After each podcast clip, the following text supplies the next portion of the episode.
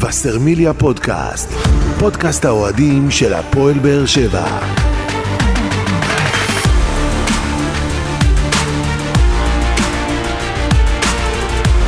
שלום לכם וברוכים הבאים לבשרמיליה פודקאסט, פרק מספר 11 בסדרת פודקאסטים שמלווה את הפועל באר שבע לאורך העונה, ותנסה להתמקד בנושאים שאתם, אוהדי הקבוצה, תעלו בפנינו בפלטפורמות השונות.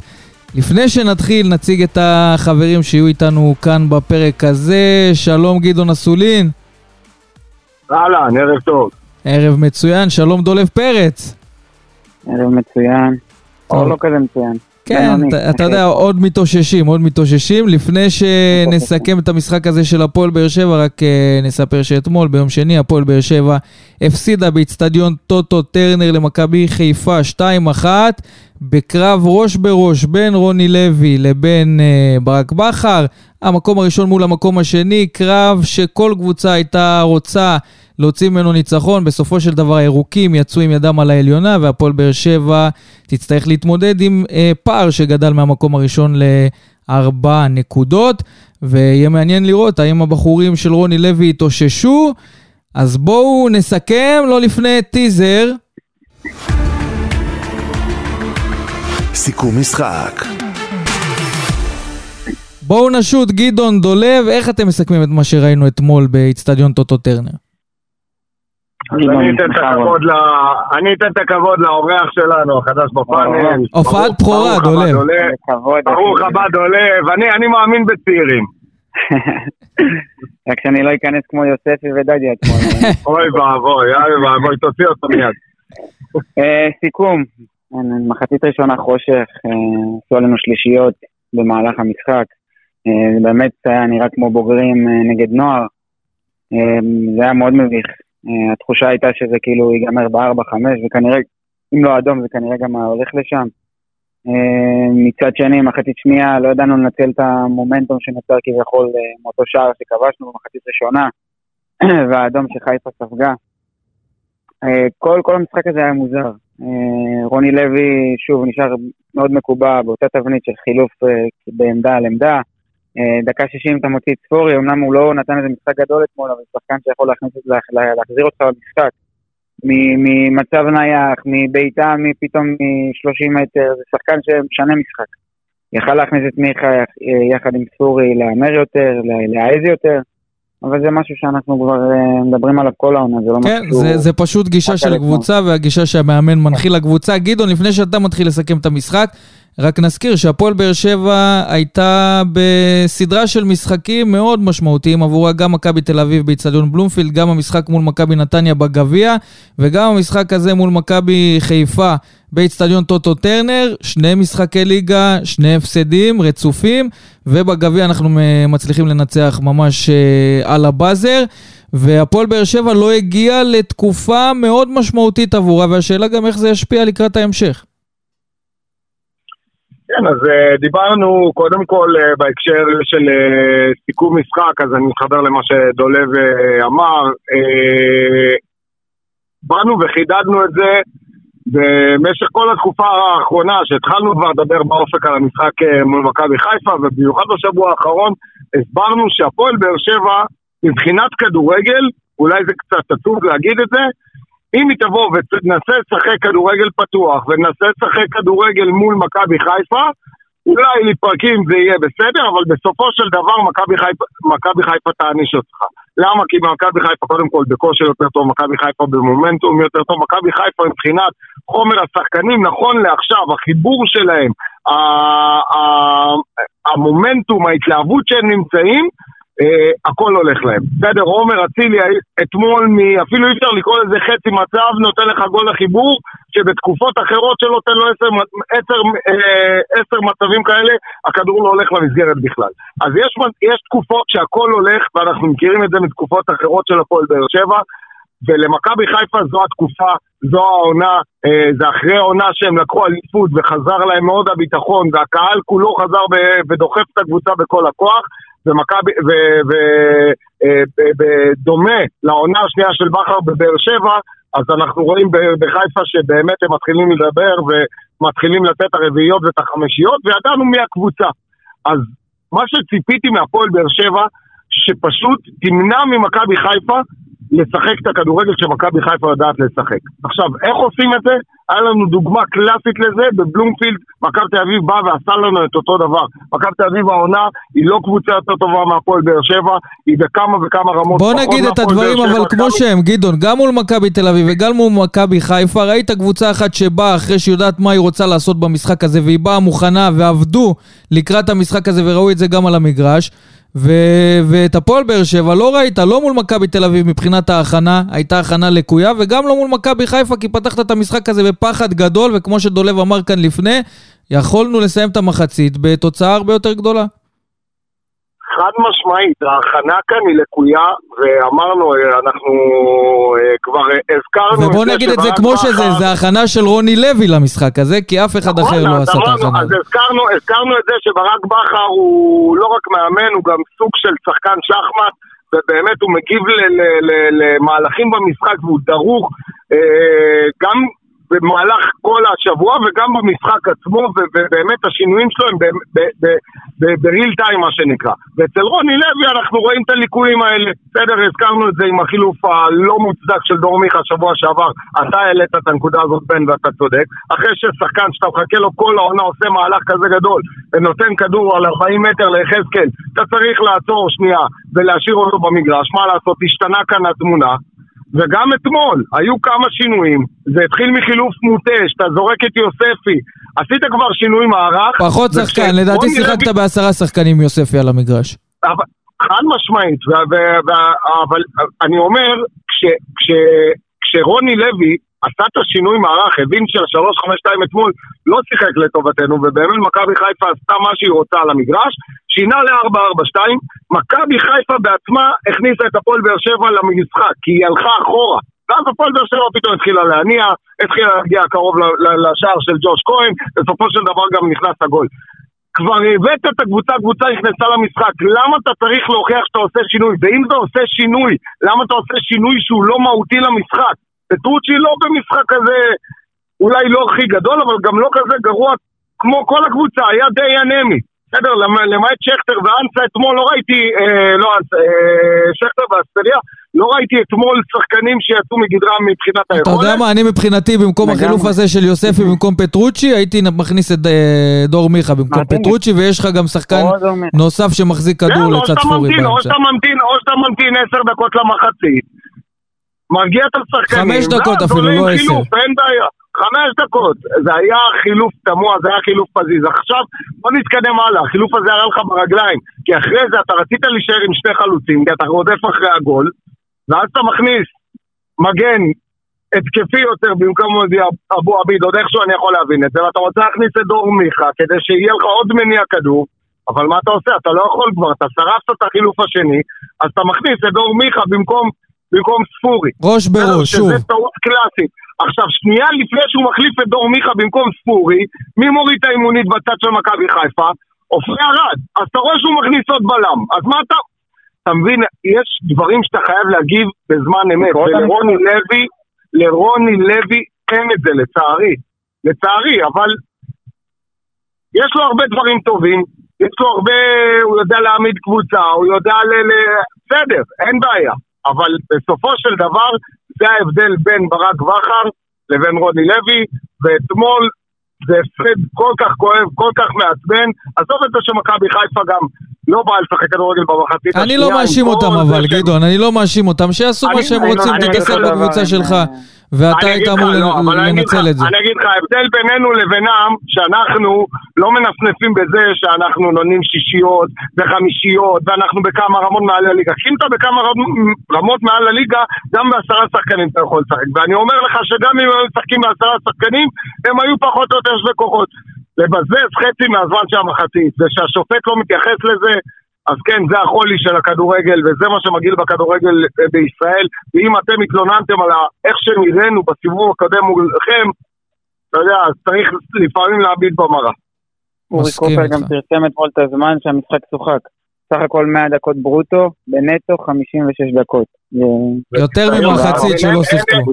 אין לזה אח ורע בעולם, חברים, אין, אין דבר כזה, אין זמן בכל מקום אחר, אני לא... אני, אני גם רוצה אז להגיד, אז... גדעון, כן, דולב? כן, אז רציתי להתייחס לסוגיית רוני לוי. עכשיו אוקיי, אנחנו באיזשהו תהליך מסוים שנבנה. במבט קדימה, לשנה קדימה, אתם הולכים איתו? אם אתם עכשיו באים ואומר, אוקיי, תנו לי את החיזוק הזה במקומות X, Y, Z, אני כן יכול לרוץ לאליפות. הייתם סומכים עליו? אם אתם אלונה עכשיו לרגע. השאלה מה אלונה מצפה. אם אלונה מצפה, או הקהל מצפה, ש... אליפות, אני אומר לך המטרה היא אליפות. לא, לא, לא, לא, אליפות, תראה, דולב, עזוב, כמה שיקראו לי עכשיו סוריאליסטי והכל, אליפות גם השנה אתה יכול לקחת. בסדר, שום דבר לא גמור, בואו לא נשים את הראש בחול, ארבע נקודות, איפשהו אני אומר לך גם, זה שחיפה לקחת עכשיו את המקום הראשון, זה יכול לשחק גם לטובתנו. זה יכול לשחק גם לטובתנו, אין לך את הקוף הזה שרץ אחריך ו...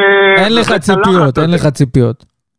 כן, עכשיו... כן, לא, שחקנים, אני מאמין, אני מאמין, אני מאמין שהשחקנים שלנו, כבר מהמשחק הקרוב, לא אומר לך עכשיו כדורגל שוטף, אבל מבחינת המשקולות הרגליים, יהיו הרבה יותר משוחררים, כי זה משהו מנטלי. אני רק מקווה שיסיקו מסקנות, גדעון, כי דווקא למשחקים המשמעותיים העונה, אנחנו לא הופענו, ורוני לוי, אתה יודע, כל, כל מי שמגיע למשחק מול מכבי חיפה, ידע כבר שהפועל באר שבע עם קישור יותר רך, ושמכבי חיפה שולטת בקישור, וזה המצ'אפ הגדול של המשחק, וראינו את זה גם קורה, ורוני לוי לא ראה את זה קורה ולא הכין את הקבוצה למה שאנחנו ציפינו לראות, אתה מבין? לגמרי, כשקיבלנו את התמונת הרכב וראית את פטרוצי שהוא, אתה יודע, שהוא אמור לפתוח, הבנת שהמשחק לא, לא ילך לכיוון טוב. שמה זה יהיה שונה מהמשחק מול מכבי תל אביב, אתה מבין? זה אותו אמצע. לגמרי. פטרוצ'י אני אוהב אותו, אבל הוא שחקן רך, הוא לא מתאים למשחק הזה, משחק שצריך לבוא בלחץ כמו פיטבול שננען עליך, וזה משחק שאמור להיות מלחמה על המגרש, כי אין מה לעשות, האיכות שלהם באמצע היא גבוהה יותר.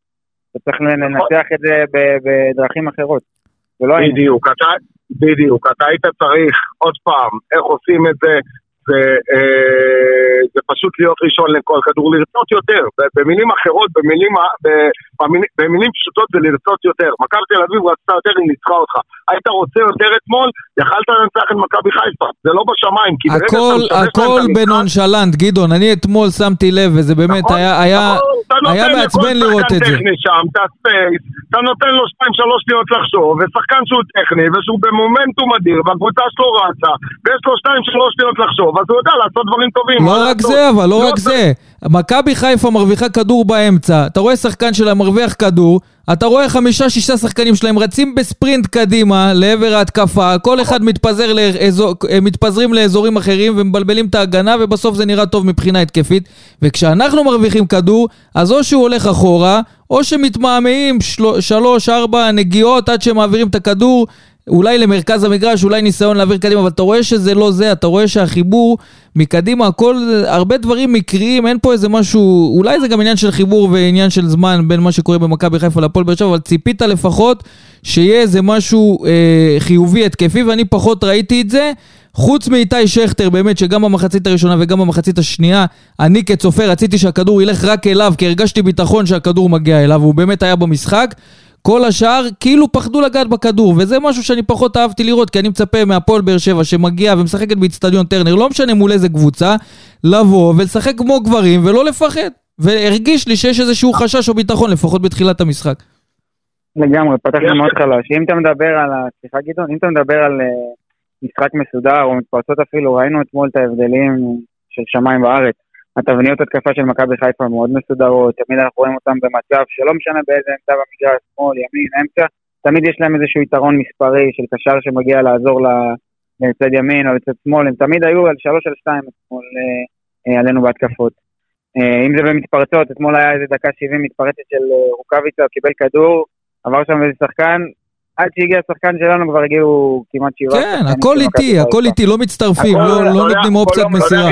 יש מושג, יש מושג שהתחלנו להשתמש בו בשנים האחרונות, בעונות שבכר הגיע לכאן, להסתכל בלבן של העיניים. מושג שרק בשנים האחרונות הכרנו. ואנחנו דיברנו וציפינו שהפועל באר שבע תסתכל בלבן של העיניים. שתבוא ואתה יודע, עם סכינים בין השיניים, פשוט, אתה יודע, כל ה... כל ה... באמת, כל מה שאנחנו מכירים, כל הסיספות שאנחנו מכירים, היה צריך להביא אתמול, לא לתת להם לפתח את המשחק, ואם אני לוקח משהו יפה שקיים במשחק של חיפה, זה הלחץ מקדימה. הלחץ מקדימה, שהם נותנים אתה רואה שברגע שהכדור נוחת, כמו שדולב אמר, נוחת ברגליים של הפועל באר שבע, אתה רואה שם לחץ מטורף, אתה רואה לחץ על הבלמים, הם לא, הם לא נחים לרגע. וזה מה שהפועל באר שבע הייתה צריכה לעשות. ועצוב להגיד את זה. גדעון, אבל ההבדל היה שמכבי חיפה באה בגישה של מתי ואיך אנחנו עושים את השער, והפועל באר שבע באה בגישה של רק שלא נספוג את השער. צריך לשמור שזה לא יקרה. זאת, זה מה שאני ראיתי לגמרי. מבחינת ההבדלים בגישות. לגמרי. עוד פעם, מה שהכי מאכזב זה שאנחנו ידענו בדיוק לאן הולך המשחק. רוני לוי ידע בדיוק לאן הולך המשחק, ברק בכר ידע בדיוק לאן הולך המשחק, וקרה בדיוק מה ש- שידענו. עכשיו, אם אתה יודע ואתה, ויש לך את הזמן להכין, אז תכין, תחשוב על התחבולות, תחשוב איך אתה הולך לנטרל, תחשוב איך אתה הולך לצאת קדימה, תחשוב על כל הדברים. לא יכול להיות שאתה עוד פעם עובר לשחק כדורים ארוכים. לגמרי, זה לא... לא ועוד מול- עכשיו מול קבוצה ארבעה, מחו"ל, חמישה בלמים אתה עושה את זה. פגשת פה קבוצה שאתה, שאתה רואה אותה כל שבוע בליגה, זה התבנית משחק שלה, היא פותחת 30-40 דקות של, של לחץ בלתי פוסק, אה, מנסה לחטוף כדורים בקו גבוה, זה התבנית משחק של מכבי חיפה, ובאנו פשוט אה, בצורה שערורייתית למשחק אתמול. טוב, בכל זאת, בוא- בואו של נסתכל דבר- רגע... בסופו של דבר באר שבע כן נכנסה למשחק, אבל עוד פעם, לא בזכות באר שבע, יותר בזכות מכבי חיפה, כי מכבי חיפה הלכה אחורה. מכבי חיפה אחרי הגול השני, הורידה את הורידה הלחץ, רגל, הורידה את כן. הרגל, את הרגל מהגז, נתנה לנו להתחיל לפתח משחק פחות או יותר, ובסוף גם הג- הגיע הגול הזה בצורה מאוד קשה, אבל הגיע של בררו, וזה באמת יכל לפתוח את המשחק. ובהמשך לא ל- אה, לדברים שאתה אומר, גדעון, אה, גם אה, זה שלא ספ- לא כבשנו את השוויון, זה יותר באשמתנו מאשר אשמת חיפה שהעבירה את הזמן. זה היה- לפחות- זו היו לנו דעתי. המון הזדמנויות מחצית שנייה, נכון? אה, לא היינו יעילים. אז לפני שאנחנו מסכמים את הדיון הזה, גדעון, אולי נסתכל על כמה נקוד, נקודות חיוביות. קודם כל, איתי שכטר, דיברנו עליו, אופי, ווינר, מנהיג, באמת היה כיף לראות את הגישה שהוא בא איתה למשחק הזה, וזה שהוא לא נותן כבוד יתר ליריבה. לדעתי גם אספריה, מאז שעבר לשחק באגף, ראית שהוא תורם אה, מבחינה התקפית וקצת משחרר את העניינים. בררו יציב, ויטור מלבד הטעות היה די יציב, וגלאזר עם אה, שתיים, שלוש הצלות אה, שהשאירו אותנו במשחק. אני חושב שנגעת בנקודות, אה, בשחקנים אה, שבאמת יותר בלטו אתמול. אה, רוקאביצה היה לו כמה החטאות שערורייתיות ודי נעלם במהלך המשחק. לא שהזינו יותר מדי בכדורים, וקשה לחלוץ לבוא לידי ביטוי שלא מזינים אותך בכדורים. אה, אני יכול להוסיף לזה אה, עוד שני שחקנים שנכנסו כמחליפים, אם זה דור מיכה, שאני כן רואה איזה ניצוצות של אה, פתאום דומיננטיות במשחק, אה, פתאום לבוא ולקבל כדור, משהו קצת היה מתחבא, אה, בתנועת ידיים, בתנועת גוף, במה שהוא שידר אתמול, אה, זה כן משהו שמעודד אותי, וכן אני רוצה שיהיה איזה קו מגמה שמתמשך, אה, אה, איזה שיפור ב- בתרומה של מיכה. ושלא. יפחדו לתת לו עם מיכה, אנחנו מדברים על זה כבר כמה פרקים ברציפות, גדעון. לא בושה לתת למיכה לשחק עם ספורי ביחד. לא בושה. לא, אתה לא משחק פה נגד, אה, לא יודע מי, ברצלונה או ריאל מדריד. לא יקרה כלום אם תשחק עם שני קשרים התקפיים ביחד. הרבה פעמים ראינו את אה, יוספי ואת אה, ספורי ביחד. זה לא, אין הבדל כזה גדול. ודווקא במשחק הזה, גדעון, שניהם יודעים להחזיק העולמות. כדור, שניהם יודעים להחזיק כדור, זה היה יכול גם לשחרר אותנו מבחינת כן, הלחץ הזה באמצע. אתה יודע, קל וחומר, בסוריה? קל וחומר שעברת כבר למערך של 4-4-2. זה אומר שאתה יכול לשחק בקלות עם שני, אה, קשרים התקפיים במערך כזה. בקלות. נכון. כן, גם- אתה גם אה, משחרר את ספורי או את מיכה, אתה יודע, סירוגין, אחד מהם כל פעם יהיה יותר פנוי. כי לא לא יוכלו לעשות שמירת צמודה על שניהם במקביל. ראינו מה קרה נגד מכבי תל אביב, חנקו את ספורי, ופשוט המשחק התקפה שלנו היה תקוע. נעלם. וכמובן שאפשר לציין גם את, אה, את הזר החדש, את אה, מרטינס שנכנס, ובאמת, באמת, אה, אפשר לראות עוד פעם, זה, זה קצת מדי, קצת מדי זמן בשביל להתרשם משחקן, אבל רושם ראשוני מאוד, מאוד חיובי. בוא נתן שם בוא לא כדור שלא נשפוט. ראינו כל העונה. בוא לא נשפוט לטובה או לרעה אחרי דקות בודדות שראינו ממנו. כן, ראיתי פעולה חיובית, זה הפס שהוא נתן, ל... המסירה שהוא נתן לאור דדיה שם באמצע, חתך את כל ההגנה, אה, ו... וזה היה יפה לראות את זה, אולי נרוויח אותו. אני, אני אהבתי את הביטחון שלו, שהוא מגיע בדיוק. למעמד כזה, שחקן חדש, הכדור. כן, שחקן חדש בקבוצה ולא מתבייש לנהל את העניינים. נכון, נכון, כן, נכון. נותן מחלק הוראות כבר, אתה רואה שחקן שמשדר ביטחון מהשנייה הראשונה. לקח על עצמו את הקרנות ודקות קריטיות, כן, הוא היה, הוא שידר מאוד, אה, שידר ביטחון. טוב, אז התחלנו, כל כך נואשים לשחקן אה, דומיננטי ו- ו- וטוב וחזק שיחזק לנו את הקישור. יכול להיות. שהוא באמת יעזור להפועל באר שבע להחזיק קצת יותר אה, את המשחק באמצע. התחלנו עם הרבה שלילי, סיימנו עם נקודות חיוביות, אז אה, ועוד נקודה חיובית אם אפשר, כן, מבט רגע לחלון, אה, אנחנו עדיין בינואר, חלון העברות פתוח. הייתם אה, מביאים חיזוק נוסף להתקפה? אני חושב שכן. הרי בוא נגיד את האמת, אין לנו איזשהו קולר. ב-24 שעות האחרונות השם של ג'וסוע עלה הרבה, אבל אני לא יודע אם זה יקרה, זה לא יקרה לדעתי. תראה, מבחינה, מקצועית זה חלום, כי שחקן כמו- ג'וסווה אתמול לא נותן לאבו פאני ליפול, בסדר? הוא. נושך לו את האוזן לפני שזה קורה. אה, וכן, חסר, חסר לנו את הארץ הזה על המגרש. חסר לנו כן, את הארץ לגמרי. הזה. אנחנו קבוצה טובה מדי במונח הזה. אין אצלנו שחקנים רעים, אתה יודע, שייתנו רגע איזה גליץ' ויכניסו את הקבוצה השנייה לאלה. שזה או כדור או רגל. היה לנו נכון. את אוגו, היה לנו את ג'וסואל ב- בשנה שעברה. אני, אני חושב ב, בזמן שרוני לוי משחק עם שני חלוצים, שהם חלוצים אמיתיים, מלבד שכטר ו, ורוקאביצה, אין לך, כי אנסה לא באמת חלוץ אמיתי, ויחזקאל לא באמת חלוץ אמיתי, ואנסה במשחקים שהוא שיחק נראה כמו הצל של עצמו, ואנחנו לא רואים ממנו יותר מדי, ויחזקאל, אתה יודע, הוא פה נראה לי כמעט שנה או מעל שנה, ולא השאיר איזה חותם, אה, שחקן פרווה כזה, לא ראינו ממנו איזה משהו, כל פעם מדברים על הפריצה וכמה הוא שווה וזה, אבל זה לא זה, לפחות לא מבחינת הוא חלוץ, אתה יותר יודע. שחקן מאגף לדעתי כן. מאשר חלוץ. אז אני חושב שהפועל באר שבע אחד יצטרכו לחפש אחד כזה. לא בסוף אנחנו מכירים את זה מהעולם של הזרים, אבל זה נכון גם לגבי ישראלים, שחקני חיזוק ישראלים.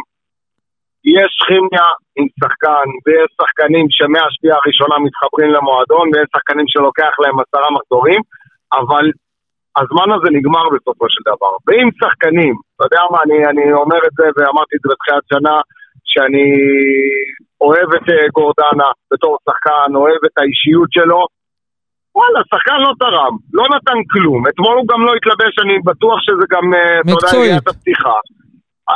הכל בסדר, לחיצת ידיים ולהיפרד כידידים, לך לא היה טוב, לנו לא היה טוב, הכל בסדר, אותו דבר גם לגבי עוד שמות. כן, אבל השאלה אם זה חיבור של שחקן למאמן. כן ראינו את גורדנה בעונה ענקית שנה שעברה. ראינו אותו גם מתופקד אפילו כשם. אבל הוא קיבל את ההזדמנויות. דולב. כן, אבל לפעמים זה גם מיקום. במגרש. דולב, חד משמעית, ויש יש שחקנים שמרגישים בנוח עם מאמן מסוים, והם ייתנו לך 210 אחוז, ועם מאמן אחר הם, אה, הוא יצליח לכבות אותם. זה, זה, למאמן יש השפעה מאוד גדולה על שחקנים, ויש הרבה דוגמאות כאלה. אבל אה, קח את בכר ומליקסון. קח. את בכר ומליקסון. מליקסון, אני זוכר את זה עוד. האימון הראשון במחנה אימונים, משחק אימון ראשון במחנה אימונים שבכר אה, הגיע, בקיץ הראשון, הוא לא הפסיק להגיד את המילה, אתה יודע, זה היה משחק מצולם, וראיתי את המשחק. והוא לא הפסיק להגיד את המילה מליקסון. עכשיו, מליקסון מבחינתו, שעד עכשיו הוא די נחבא על הכלים, והוא עם הטעם אמר של השש-שתיים בגביע, אתה יודע, די כבר כמו נגיד מיכה כן, כזה, לא טובה. ציפו, ציפו, ציפו, ציפו, והוא לא מצליח להביא את היכולת. בא מאמן שהוא לא מפיק רק לדבר עליך, והכל סביבך, והכל... אתה נהיית פתאום אבוקסיס. ושוסווה, אותו דבר. נכון, נכון, קלאסי, נכון, נכון, דוגמה קלאסית. נכון. אז לדעתי, אם נסכם את הדיון הזה של הרכש, אה, גם קשר הייתי מצרף וגם חלוץ, תשע אמיתי, אז זהו, שילד... אז זהו, אתמול, אתה יודע, אתמול, תמיד אמרנו את זה, אבל אתמול זה צעק לשמיים, שוואלה, אין לנו מניע כדור. אז יש לך את ספורי, שאתה יודע מה, הוא גם לא מניע כדור במאה אחוז, כי הוא יודע לעשות פעולות חיוביות, אבל יש שם פערים, יש שם פערים במרכז המגרש, הוא לא, בורח מדי זה הרבה פעמים קדימה. גם אה, עיבודי כדור. שלו. נכון.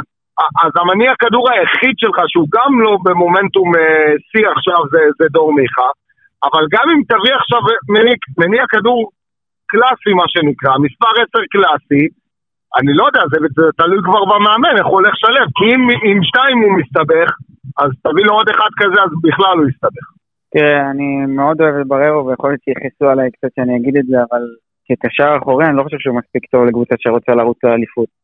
קשר אחורי, אם ניקח רגע את אוגו בעונות האליפות, זה היה מישהו שידע להניע כדור, להצטרף מאחורה, כן, הוא גולר, כן או נו, אבל הנעת כדור שלו מאוד מאוד קצת בחסר. הרבה פעמים אנחנו רואים במשחק לחץ שאפילו לא מתבססים עליו, מפחדים לתת לו את הכדור. מסכים איתך, וראינו את זה, ראינו אתמול, חושב חסר ש- קלאסי, עלי מוחמד, אה, שראינו את. ההפסדים, אבל אה, אני לא יודע, אני, אני ממה שאני מבין, מרטינס שיחק בחלק מהקריירה שלו כמספר קשר 6, הוא אחורי, יכול, כן. אז הוא יכול לשחק את המספר 6, ובררו ילך ל-8, ו-50-50, כי בררו אין מה לעשות, אתה לא להוציא אותו מהרכב, לא, ברור שלא, לא אבל. למצוא איזה קונסטלציה שאתה משלב כן קשר שיודע נכון, כדור. אז יכול להיות, תראה, זה זה היה נראה עוד פעם, זה היה מעט דקות בשביל להתרשם, אבל מרושם ראשוני זה נראה שהם כן משחקים אחד לשני, כן יש להם איזה דיבור משותף כן. כזה, ולא אחד מנסה לגנוב לשני, לשני את ההצגה, אבל אה, הלוואי, הלוואי שיש שם חיבור טוב, כי אנחנו כן צריכים את הנוכחות הזאת. טוב, אנחנו נראה איך המועדון אה, יפעל.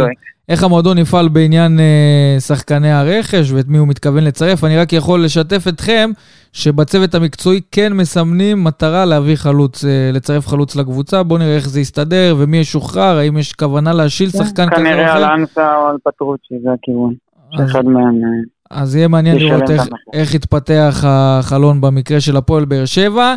ולפני שניתן את הבמה לאוהדים, כי הבטחנו לחברים שלנו בטלגרם שאנחנו נעלה קצת אוהדים לשמוע את התחושות שלהם, שישתפו אותנו בתחושות שלהם מהמשחק אתמול. אה, חייב לדבר על נושא מאוד אה, כאוב להמון מאוהדי הפועל באר שבע שקרה אתמול אה, לפני תחילת המשחק, וגם במהלך המשחק. מאות אוהדים של מכבי חיפה הצליחו להסתנן לאיצטדיון טוטו טרנר למרות כל האזהרות והפוסטים וההבטחות שיילחמו באותם אוהדים שימצאו באיצטדיון טרנר ויוציאו אותם החוצה או לא יאפשרו להם להיכנס כבר מלכתחילה. ובסופו של דבר ראינו מאות אוהדי מכבי חיפה שכן הצליחו לעשות את זה, אז קודם כל בושה לאותם אה, אוהדי הפועל באר שבע שהצליחו להשיג כרטיסים למשחק הזה או שיש להם מנויים והעדיפו למכור במחירים אה, גבוהים ולגזור. קופון, כן, לטובת וחרפה, אוהדי כן. מכבי חיפה. זה הדבר הכי מביך שיכול לקרות כשאתה מחזק קבוצה יריבה עם עידוד, שאתה יודע מה, זה, זה גם היציע הצפוני, שראינו אוהדים מהיציע המזרחי של אה, מכבי חיפה שמועברים לשם, וראינו כמעט 2,500 אוהדים של מכבי חיפה בצפוני, ובסיום המשחק, מי שנשאר באיצטדיון טוטו טרנר יכל לראות גם ביציע המזרחי וגם ביציע המערבי, מאות אוהדים של מכבי חיפה, ואם אני מעריך ככה הערכה גסה, 3,000 פלוס אוהדי מכבי חיפה באיצטדיון טרנר במשחק כזה. זה, זה פשוט היה ביזיון לראות את זה, והתמונות של אותם אוהדים שעוברים מהיציע המזרחי לצפוני בחסות אה, אנשי האבטחה או המשטרה או המועדון או לא משנה מי, אה, זה היה מביש לראות את אותן תמונות. וכדי לסבר את האוזן, שהוצאו להם למכירה 1,800 כרטיסים, שתבינו את גודל המחדל. כמה כרטיסים הצליחו אז להשיג תבין, מהאוהדים שלהם. מקודם, אם מקודם דיברנו מקצועית, שרוני לוי ידע בדיוק מה הולך להיות והוא לא נערך בהתאם, אז גם משטרת ישראל, גם הנהלת המועדון וגם כל מי ששותף למחדל הזה אה, ידע שזה מה שהולך להיות. כולנו ידענו שמכבי חיפה מנסה, כל האוהדים שלה מנסים בדרך לא דרך, אז קודם כל אני אתייחס לאוהד באר שבע, או אוהד באר שבעי שמוכר כרטיס. תראה, זה לא מקרה שאתה אומר, באר שבע עכשיו מקום רביעי-חמישי, וחיפה בעונה חלומית והם מנסים להשיג כרטיסים, עוד איכשהו אתה יכול נכון, להבין. זה לא שאיבדת את העונה, זה לא שאין לך מטרות. היא מתחרה איתך ראש בראש על האליפות, על מה אתה, כאילו, אני מנסה להבין את מה אותו אוהד חושב לעצמו בראש כשהוא עושה מהלך. כזה? זאת השאלה. ביזיון, בגידה בקבוצה שלך, בסדר, זה ביזיון, הם צריכים להתבייש לעצמם. אבל גם אם עשו את זה, בואנה, אתם נותנים להם פרס, מעבירים אותם ליציאה, דרך המגרש. כל השבוע דיברתם ואיימתם והפחדתם. זה לא אז, פחות. ממחדל, אני לא לא אגע במשטרה, עקב היותי, אתם יודעים, אבל אה, מבחינת המועדון, אה, הוציאו הודעה, אה, תעמדו על זה, אין מה לעשות. בסופו של דבר, גם אם המשטרה מנהלת את האירוע, הרבה פעמים ראינו את זה, אני אני ככה, אני אני אתן דוגמה יותר מובהקת. לקחנו את בלומפילד, את המשחק של לפני שבועיים, שלושה. אוהדים שלנו שהגיעו לשם, הוצאו החוצה, לא נכון. נכנסו. נכון.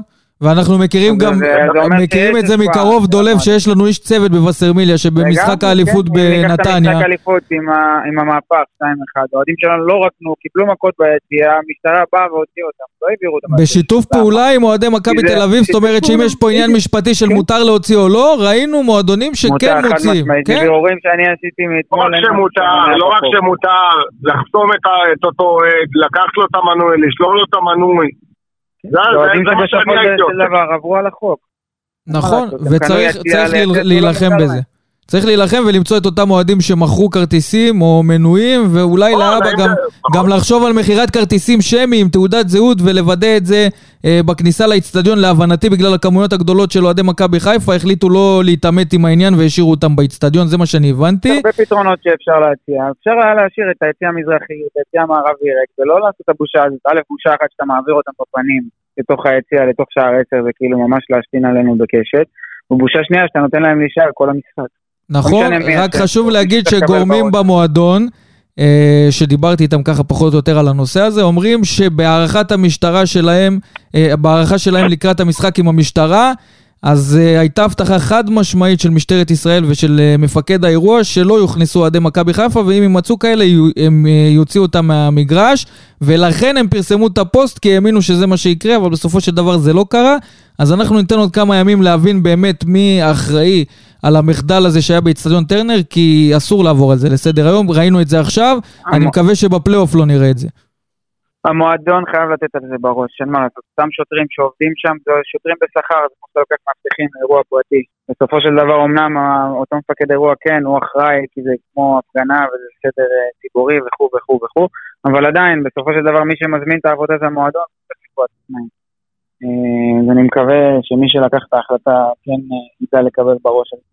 טוב, אנחנו רק נסכם את הדיון הזה בלכאורה, אתה יודע, לכסות את עצמנו. כל מה שנאמר ב- בדיון הזה, עבודה אחרי הפודקאסט, כן, לכאורה, הכל לכאורה. ממש מקווה. שתגידו שזה השוטרים במסכה או משהו. טוב, אז כן. בואו בואו נמשיך הלאה וניתן במה לאוהדי הפועל באר שבע שרוצים לדבר על נושאים כאלה ואחרים, ונעלה את האוהד הראשון.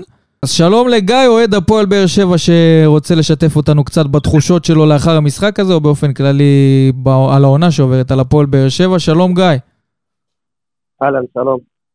תשתף אותנו במה... ערב טוב, גיא. כן, שוט. אז אני אתחיל, אני אתחיל בזה שאני אגיד שלאורך כל העונה, אני הייתי ב- כאילו ממליך להבות בכל הקטע של רוני לוי. לא, לא הבנתי למה, למה כל העליהום הזה, למה שעושים בוז על מאמן שהביא 14 שחקנים חדשים, ובמחזור 17 נמצא במקום הראשון. אבל אה, ממשחק למשחק, הקיבעון מחשבתי שלו זה משהו שאי אפשר, אי אפשר לשחק איתו. אתמול בחילוף של רמי ספורי, שדור מיכה הגיע לקווים, 14 וחצי אלף צופים, אנשי מכבי חיפה, כולם יודעים שרמזי ספורי הולך לצאת. אין טיפה יצירתיות. רמזי ספורי השחקן הכי חזק שלך העונה, אתה לא יכול לתת לו להיות באודישן. הוא פתח ב-14 משחקים העונה, הוחלף ב-13. תן לבן אדם את הביטחון לשחק. ודיברנו על זה גם, על העניין הזה כן, שבסופו של. דבר הוא שחקן יצירתי, שאתה צריך אחד כזה על המגרש, במיוחד במשחק כזה, כשאתה רוצה לחזור אה, ולאזן את כשאתה מגיע התוצאה. לדקות 80, 85, 90, אתה רוצה שחקן כזה שיכול לתת לך גול משום מקום. נכון, שחקן שיודע חייב. להכניס את הכדור, יודע להכניס את הכדור לאזור המסוכן. ראינו גם את הגול של בררו אתמול, זה בסוף הגיע מאיזה כדור אור של אה, רמזי, ובכלל, כל הכדורים, כל הגולים שלנו, הוא המוציא לפועל העיקרי, כל הגולים שלנו העונה זה בסוף מכדורים מכוונים, לא מכוונים, אבל דברים שמגיעים דרכו, וחובה, חובה, חובה בסיטואציה כזאת של פיגור, להשאיר אותו על המגרש. כן, אין, זה כנראה, זה- רוני לוי, זה לא ישתנה עם. כל הכבוד לניקיטה רוקאביצה, חלוץ מעולה, זה לא היום שלו. לא יודע, הוא ראה את מכבי חיפה, קרה משהו. נכון, הוא היה ביום, הוא היה ביום חושך, כן. אז בסדר, אז בסדר, אבל יש לך חלוץ מהיר, פיזי, תקופה גרועה, לא מצליח למצוא פס. אבל זרוק את הכלים, זרוק את הכלים, תחליט את יוג'ין אנסה. מה יש לך להפסיד? שלוש אחד, שתיים אחד, זה אותו הפסד. אין כאילו, אין נכון. מה, מה, מה? יש לעשות? הזכרנו את זה גם בחילוף של מיכה בספורי, במקום לשחק עם שניהם ביחד. גם, אפילו, גם, גם ככה אפילו את מרטינס, שבאמת הוא שחקן נראה כאילו על פניו איכותי, עם הרזומה שלו ומה שהוא עשה. שחקן איכותי, אבל הוא לא השחקן שעכשיו אתה מכניס למשחק שאתה צריך בו שתי גולים פיזיים, אתה מכניס שחקן שלא, כבש שלוש שנים. למה? למה? יש לך רותם חתואל, יש לך שחקנים. אני, נוטה להסכים איתו, כי בסופו של דבר האמצע כבר היה בידיים שלך. אה, יכול להיות שבאמת הוא הרגיש, אבל עוד פעם, אז אתה שואל למה, למה הוא הוציא את אה, רמזי ספורי, אבל יכול להיות שבאמת הוא הרגיש שהוא רצה עוד מישהו, עוד, עוד איזה חוליה שתניע שם את הכדור יחד עם בררו ומיכה ואספריה שקצת בא לאחור ולקבל כדור, אבל, אה, אבל כן, היה, היה אולי מקום באמת להכניס עוד איזה חלוץ, אבל תראו, אבל תראו, בסופו של דבר, תראה, בסופו של דבר, אתה לא היית איתנו כאן בפתיח של הפודקאסט, ואני, אה, אנחנו כאן דיברנו באמת שבמשחק שחמט הזה רוני לוי הפסיד בגדול לברק בכר. יחד עם זאת, יכול להיות שהיום היינו מדברים קצת אחרת, כי יכול להיות שגם באר שבע יכלה לעשות מהפך של 3 ו-4-2. אבל היית כאילו, יכול לסיים גם מחצית ראשונה עם 5, גדעון. נכון, נכון, זה היה כל כך נכון. ברור, תיקח את ברק בכר עם כל היצירתיות, זה היה כל כך שקוף כשעושים את רודריגז מגן מדומה, שיפתח להשיג את הקווים, וזה האיסוס של ילד חמיד, שרודריגז לקח אותו, זה האיסוס של ילד חמיד שנתן לו את הבעיטה למזוזה הזאת. זה היה כל כך שקוף שזה מה שיהיה, רוני לוי, כאילו כולם ידעו את המערכת הולך לעלות, לא היה סיכת הפתעה נכון, בכל ההרכב הזה, כלום, כלום. נכון, מכבי חיפה, מכבי חיפה הגיעה עם אותו מערך, עם אותו הרכב, עם מה שידענו, כמו שאתה, אני מסכים איתך לחלוטין. ידענו בדיוק איך הם הולכים לבוא, ידענו באיזה סגנון הם הולכים לשחק, ידענו שהם הולכים לבוא עם לחץ, לחץ מטורף מקדימה, ו... אבל אתה יודע מה, זה, זה צריך שניים לטנגו, גם אם הם רוצים לעשות לחץ מטורף מקדימה, הם רוצים להניע כדור, אתה בקלות יכול, לא בקלות, זה בכלל לא קל, אבל תנסה לטרפד להם את המשחק. אם אתה מתכונן נכון למשחק, אתה יכול לעשות את זה. אם היית מצליח, אם היית מצליח 10, 15 דקות לגרום להם לא לפתח משחק כמו שהם רוצים, להוציא מהם את העוקץ. הם לבד, הם לבד הם היו יוצאים אה, אה, מגדרם. והם היו מתחילים להשאיר אחד את השני ומתחילים להתעצבן. לגמרי, גם בכר היה מנסה איזשהו מערך. אני מקבל את זה שהוא שחמט, קיבלת שתי גולים גזים, קבל את זה, אין מה לעשות, זה קורה, לפעמים פותחים ככה. נכון. קח שבועיים אחורה, קח את ברק בכר נגד מכבי תל אביב, בשתיים אפס למכבי תל אביב, מכניס, מוציא מגן, מכניס חלוץ, כל הכלים התקפים על המגרש, דוני או בן סער, לא משנה מי, כולם כדור. ארבעה חלוצים. אתה, אתה בשתיים אחד בפיגור בטרנר, אתה מוציא מגן, אתה מוציא מגן, מכניס מגן, מוציא קשר, מכניס קשר. מסכים. כאילו, מה, מה, מה, עולם אחר לגמרי. הוא שבלוני, הוא שבלוני, הוא שבלוני במערכים, הוא גם אומר את זה על עצמו, אתה יודע מה, לא חושב שהוא מתבייש, הוא אמר את זה, אני משחק, ב... אני לא דוגל ביותר מדי מערכים ויותר מדי שינויים תוך כדי משחק ובכלל, יש לי שני מערכים שזה האופציות. עכשיו אם אני מוציא מגן, אני מכניס מגן, במקסימום אם עשיתי משהו מטורף, זה מה שהוא עשה אתמול, לעבור מ-352 ל-442. וואו וואו, אל תשאל איזה טירוף, גדעון. הוא עשה את החילוק של גדיה ואבו עביד. כן, לא, אני אומר, הוא גם אומר את זה על עצמו, אנחנו רואים את זה הלכה למעשה. כן, אבל במשחק הזה, כמו שאומר פה גיא, אם אתה מהמר יותר ומשחק עם אומץ במחצית השנייה ואתה שם את כל הכלים ההתקפיים שלך על המגרש, במיוחד כשהקבוצה מולך בעשרה שחקנים והם רק מנסים לבזבז זמן ואין להם איזה חשיבה התקפית, אז כן, היית יכול להשיג קצת יותר במחצית השנייה ממה שהשגת. כן, נכון, כי מה ההבדל להפסיד 2-1 או 3-1? שעשינו מהפך על הפועל רעננה, עם הפועל באר שבע של האליפות, עשינו מהפך, ברק בכר עמד על המיקרופונים ואמר, שיחקנו מגעיל, היינו כדורגל שכונתי, זה לא יחזור על עצמו, לקח הכל על עצמי, אי אפשר כל משחק אתה מפסיד, אתה מגיע למיקרופון, מנסה להגיע לשחקנים שלך, היינו רכים, לא היינו אינטנסיביים, די, תגיד, טעינו, קיבלנו בראש. כן, אבל רגע, רגע, רגע, רגע, אה, אה, גיא, אני חייב לעצור אותך, אני אגיד לך גם למה. ברק בכר יש רק אחד. לצערנו אני אומר את זה, יש רק אחד. אם אני עכשיו אשאל אותך אלטרנטיבה ראויה לרוני לוי, אנחנו נתחיל לגמגם פה, אתה מבין? למה? רן בן שמעון, אולי רן בן שמעון, אז מה רן בן שמעון עשה? קח את מכבי חיפה בי"א. קח את מכבי חיפה בי"א. רן בן שמעון, המאמן היחיד בליגת העל שהצליח ללחוץ את מכבי חיפה גבוה. היחיד בליגת העל. שדרך לעשות את זה. עוד פעם, אני גם מאוד אוהב את רן בן שמעון, ואתה יודע מה, גם הלוואי שהוא יבוא, עדיין אתה לא תראה ממנו מה שראית מברק בכר. לא ברעיונות, לא בהכנה, לא... בסדר, אין מה לעשות. יש מאמן אחד שאנחנו יודעים שהוא רמה פנומן. מעל, רמה המאמן מעל. הזה, המאמן הזה אתמול, המאמן הזה אתמול ניצח 2-1 במשחק הכי חשוב שלו בעונה, הגיע בשלוש בלילה לבית. אתה יודע מתי היום הוא היה ב... שש וחמישים בבוקר, הוא כבר היה במגרש. הבן אדם הזה לא מפסיק להיות רעב. אז אני לא חושב שהבעיה של רוני לוי היא חריצות. אני לא חושב, הוא מאוד חרוץ. לא, לא חריצות. הוא מאוד מקובל. זה לא, זה לא בעיה, אבל הוא מיושן הוא יודע הכל, הוא יודע במחצית הראשונה לשים קבוצה לא... שוטפת, אני- חושב- קבוצה נלחמת. אני. חושב שרוני לוי, אה, אנחנו מקבלים את מה שידענו שנקבל מרוני לוי, אין לי כאילו אכזבה מהקטע הזה, כי כשרוני לוי חתם פה, או שאבוקסיס חתם פה, אני מכיר כבר את הסגנון. גם אם אני קלינגר לא היה חותם פה, אני מכיר את אני הסגנון. כן, אבל זה לא משהו חדש, את רגע, רגע. אז זה מה שאני אומר, אז זה מה שאני אומר, זה לא שבמכבי חיפה הוא לקח שלוש אליפויות, אבל זה היה בצורה מאוד מאוד טקטית, מאוד שבלונית, מאוד, אה, מאוד, הוא דורש מהשחקנים המון הגנה, המון סגירות, המון... כדורגל אי שהוא קצת פחות יפה אליי. אי אפשר להגיד, לקחנו את רוני לוי, אני לא יכול להיות מאוכזבים, כי זה מה שידענו שנספר שנקבל, אין דבר כזה. אתמול הדופק מה שלי על זאת 200, אומרת? מדקה 45 שהודיעו על האדום, הדופק של 15,000 אוהדים על 200. כן, אבל, אתה יודע מה זה? כמו... כן, אבל עוד פעם, אתה לא יכול עכשיו להביא את, אה, לא יודע מה, קח את לא הייתה, ותגיד לי, אני מצפה פתאום שהוא יהיה טכני כמו חתם. כל אחד והיכולות שלו, כל אחד והאופי שלו. נכון, זה לא משהו אם- שישתנה. אם רוני לוי, אם רוני השאלה לוי אם יש זה לו מספיק טוב למועדון או לא מספיק טוב. למועדון, זה מלכתחילה צריך לחשוב על זה, ולא אחרי שאתה לא, יודע לא, מה אתה לא, מקבל. תראה, גם דולב שאל אותי את זה מקודם, הוא אמר לי מה הייתם עושים, אם הייתם משאירים, או... אז השאלה, הכל ברמת הציפיות. אם אתה אומר לי, תשמע, אני מצפה לקחת תארים, באיך שאנחנו נראים, אולי עם קצת יותר חיבור, אולי עם קצת יותר התלהבות, אני אגיד לך, רוני לוי מסוגל לעשות את זה. ואתה יודע מה, גם, עוד, עוד פעם, יכול להיות שזה לא נראה כרגע, גם לא אמרנו מילה, את, את המילה האחרונה על האליפות. כי אם הפועל באר שבע תצבור את אותו את, אה, קצב נקוד, את צבירת נקודות שהיא צברה עד היום מול הקבוצות שבין מכבי חיפה למכבי תל אביב, זה מול הפועל ירושלים ומכבי פתח תקווה ונוף הגליל בכל הליגה, אני בטוח ש, שדווקא הקבוצות האחרות יעשו בשבילנו את העבודה. זה אומר שאני בטוח שמכבי חיפה, למרות שזה לא נראה בכלל כרגע, כן תאבד נקודות. אז, איפשהו... שעולות נחכה ונראה, גיא, משהו אחרון. לסיום? משהו אחרון אני רק רוצה להגיד, שלמרות כל המין, זה- מה זה מין, אכזבה שיש לנו, לא לשרוק בוז, לעמוד, לעודד, אתמול ראינו את הביזיון הזה של האוהדים שמכרו כרטיסים, לעודד, לשרוק, ל- לא לשרוק, סליחה, מצטרפים לעודד, למחוא. כפיים, וגם לרוני לוי, כי אין מה לעשות, זה מה שיש עכשיו, ועם זה ננצח, חד משמעית. ושאיפה לגביע.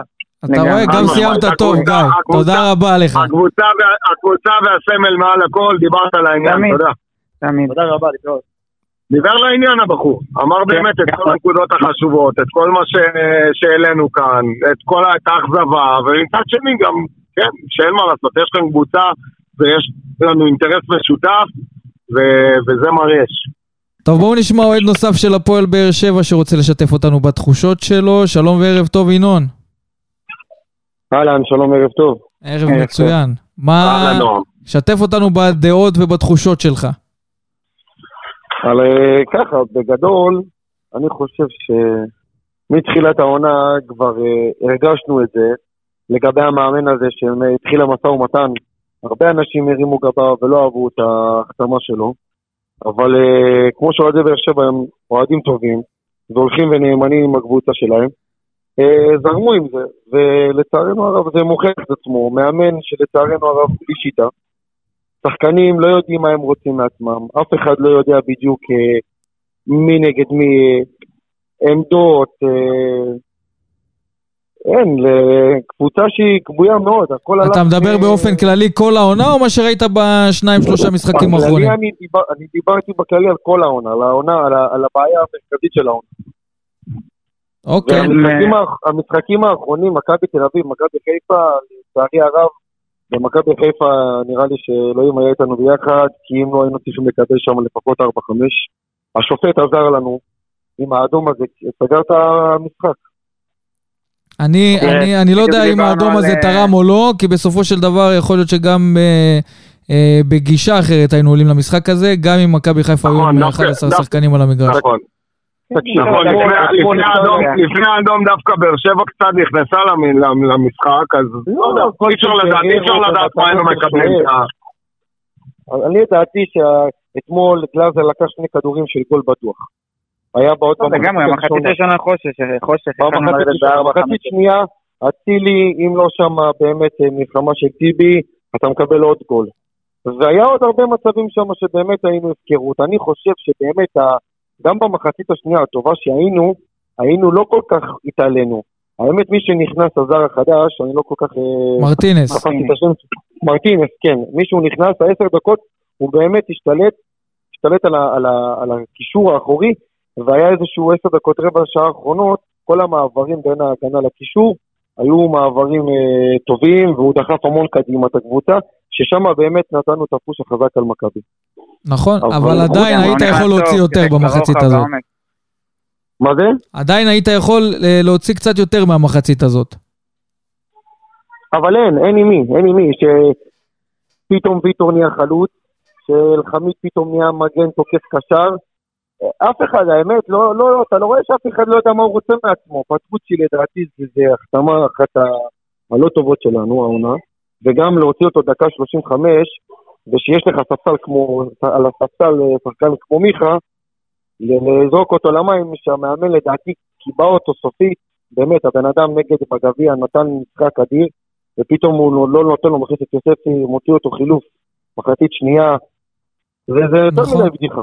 נכון, העניין של לא, דור מיכה, דיברנו עליו כמה פרקים פה ברציפות, שהעניין של הביטחון והעניין המנטלי צריך לשחק תפקיד במיוחד אה, של רוני לוי, כמישהו שיכול לקרב ולהרים לו את הביטחון. לגמרי, לגבי ההוצאה אני שלי, לא חושב, אבל- דווקא הייתה החלטה טובה. אני חושב שנכנס מאוד גרוע אתמול למשחק, הוא איבד המון כדורים. לא, זה היה מתבקש, זה היה מתבקש. תראה, אנחנו, אנחנו אמרנו את זה, אה, אמרתי את זה אתמול בסיכום משחק, שבגביע הוא הכניס את יוספי ודדיה והם הביאו איזה שינוי, הביאו, הביאו אנרגיות למשחק ובאמת הצליחו לשנות את ה... כן, הצליחו לשנות את המשחק של הפועל באר שבע, באמת הכניסו הרבה אנרגיות למגרש. אתמול שניהם היו חושך, שניהם היו חושך, גם דדיה. קח את הקיבעון שלו, למשל לגבי יחזקאל. יחזקאל כבר חמש-שש משחקים הוא פותח איתו ברצף. והוא לא פוגע. הוא באמת, יש לו הרבה מצבים שהוא מפריע לקבוצה. הרבה פעמים שהולכים למצבים, הוא מרוב שהוא את הכדור, הוא לא משחרר אותו. ועוד פעם עובר, ועוד פעם מנסה, ולא הולך לו. אבל הוא, הוא הולך איתו עיוור, הוא לא משחרר. וזה גם איזשהו קיבעון, ושכטר כל פעם שעולה מוכיח את עצמו. תראה, אבל, אבל בהיבט הזה, נועם, אתה צריך להבין שלפעמים, קודם כל אנחנו לא... ינון. לא- ינון, ינון. ינון, ינון. ינון. אה, ינון, למה שמעתי נועם? סליחה.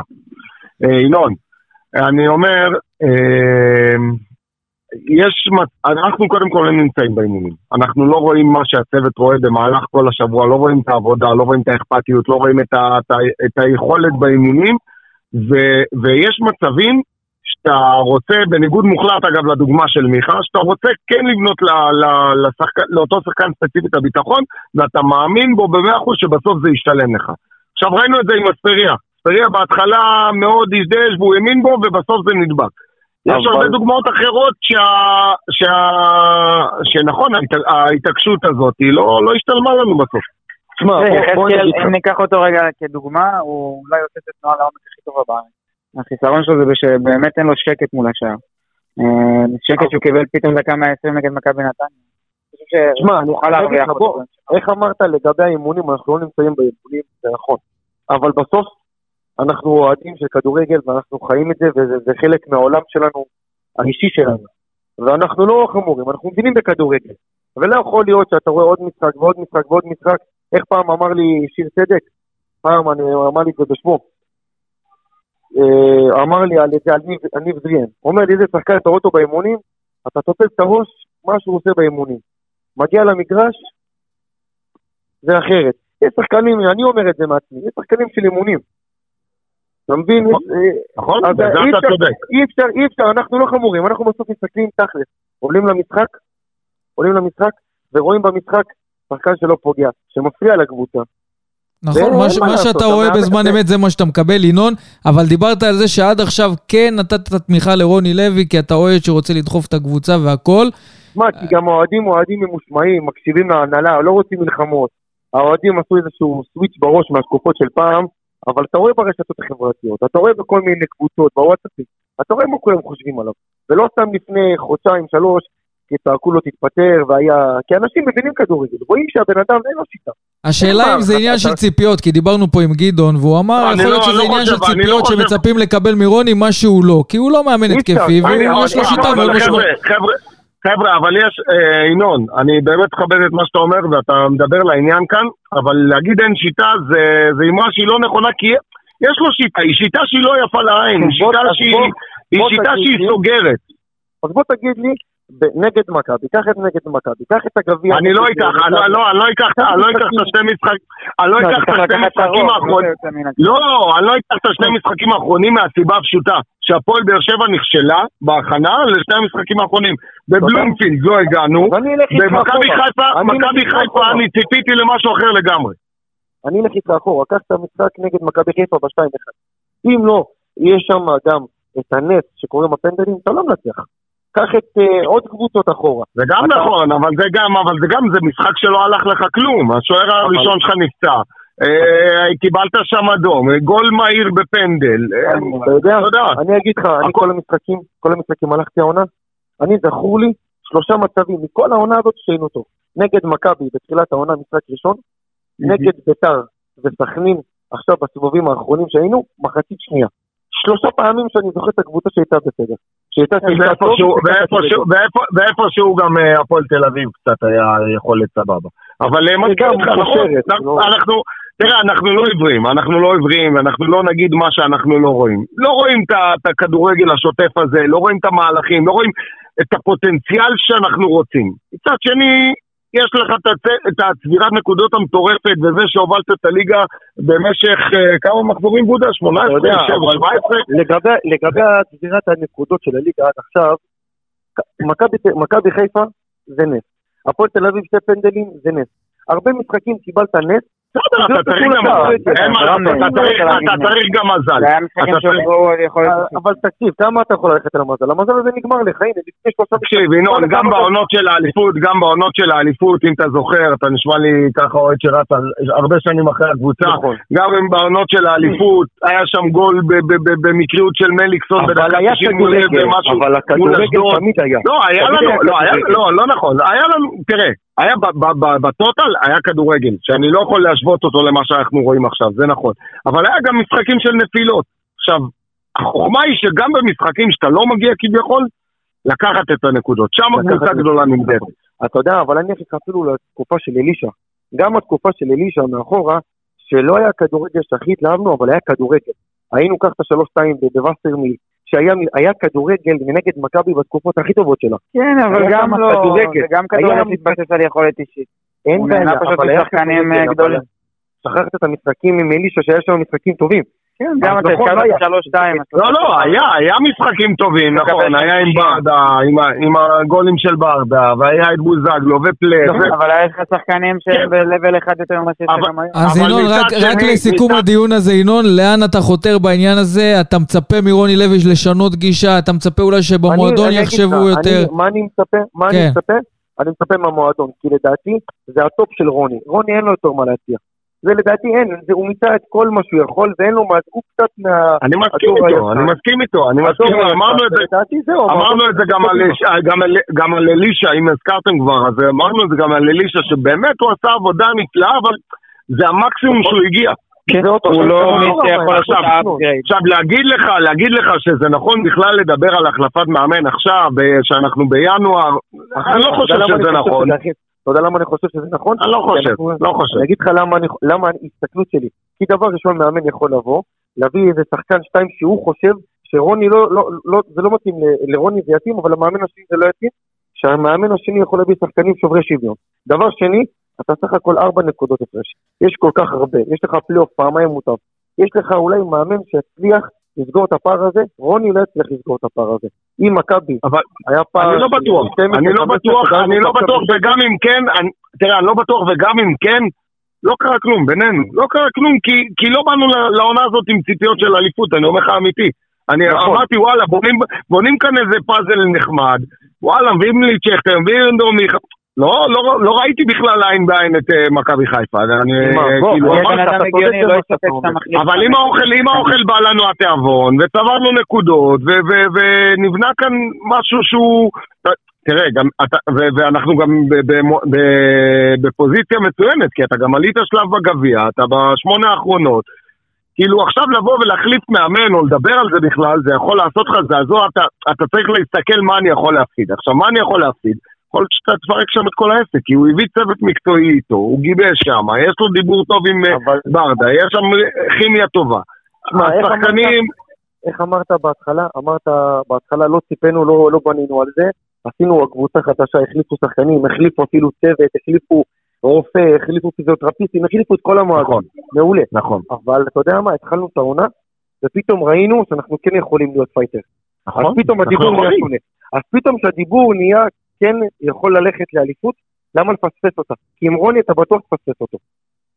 טוב, הוא השאיר לנו פה כל מיני נקודות אני- למחשבה. ינון, אני רק רוצה להודות לך על הדברים שאמרת פה, ונקווה שבאמת אה, תודה רבה. נראה שינוי רבה, בהמשך. אני אסכם אותך במשפט אחד, שאוהדי חיפה בשלט הניפו לפני קצת יותר מעשור, סוס מת לא ידר גם בערווה, בערובה, סליחה. סוס, משפט שהם הניפו לרוני לוי. אז כנראה שלא נראה שום שינוי. יופי, דולב, תמשיך להתסיס. חיכיתי פודקאסט שלם להכניס את המשפט. ינון בא ינון. תודה רבה לך. יאללה, ערב טוב להתראות. לילה טוב. טוב, בואו נשמע אוהד נוסף של הפועל באר שבע שרוצה לדבר איתנו אה, ולשתף אותנו שוב, כמו שאר האוהדים. שלום, ערב טוב, משה. ערב מצוין. ערב מעולה. ערב טוב. אז אה, על מה תרצה ערב טוב. אה, טוב, אני חושב שדיברו על הכל, אבל אה, בכל זאת, אה, אתמול, אה, אה, לא יודע, לי בכל אופן יש תחושה של פספוס.